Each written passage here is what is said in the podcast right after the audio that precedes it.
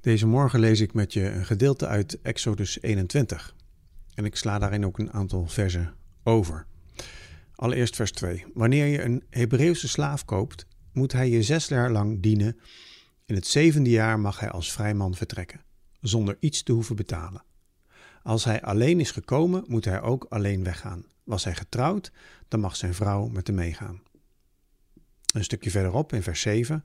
Wanneer iemand zijn dochter als slavin verkoopt, kan zij niet vrijkomen zoals de mannelijke slaven. Als haar meester haar voor zichzelf bestemd had en zij hem niet meer aanstaat, moet hij haar laten terugkopen. Hij heeft niet het recht om haar aan derden te verkopen, omdat hij zijn verplichtingen tegenover haar niet is nagekomen. Nu, deze versen gaan nog wat uh, door, zijn nog wat uitgebreider. Um, maar vanmorgen lezen we dus een, een, een stukje uit het boek van het verbond. Het zijn de regels die na de tien geboden aan het volk van Israël gegeven worden.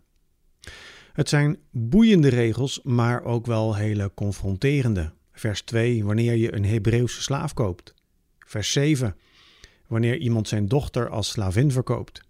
Vers 20, wanneer iemand zijn slaaf of slavin met een stok slaat en hij of zij sterft ter plekke. Hele heftige zinnen, vind ik. Het is een soort werkelijkheid die echt mijlenver van mijn bed afstaat. En die ook wel zorgt voor verontwaardiging en een stukje afkeer. Je, je koopt geen slaaf, je verkoopt je dochter niet, je slaat niet iemand met een stok. Toch? Nu, deze versen gaan over de positie van de slaaf en de slavin. God schaft blijkbaar de slavernij niet af. Het is blijkbaar onmogelijk, ondenkbaar in de tijd van toen. De hele structuren van de maatschappij waren gebouwd op slavernij. En het motto hier in Exodus is dan ook niet: Ik heb jullie bevrijd uit Egypte en nu is alle slavernij afgeschaft. Nee, ik heb jullie bevrijd uit Egypte en jullie nemen die ervaring mee in hoe je nu zelf omgaat met slaven.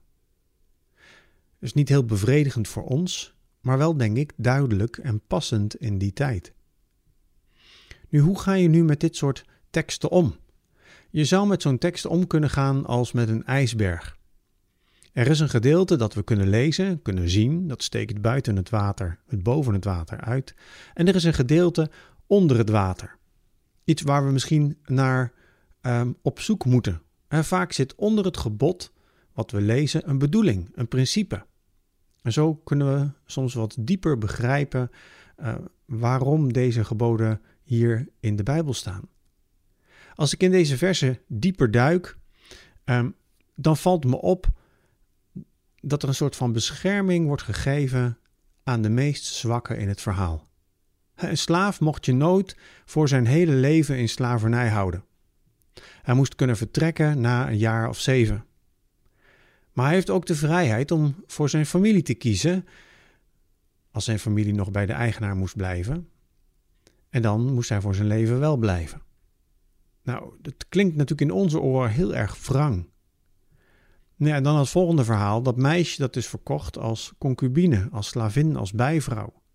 De man mag haar niet zomaar op straat zetten, mag haar niet doorverkopen en moet voor haar blijven zorgen op alle gebieden. Doet hij dat niet, dan mag ze gaan.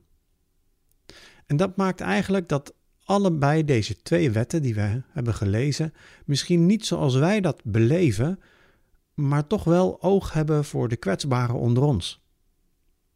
Dat is opvallend, hè? Die eerste gedragswetten na de tien geboden gaan ook over slaven en een vorm van rechten die zij hebben. Die eerste regels gaan niet over koningen, niet over de rijken, niet, niet over de machtigen.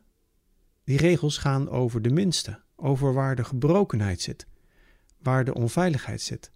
God komt de slaven hier tegemoet. Zometeen denken we daar verder over na.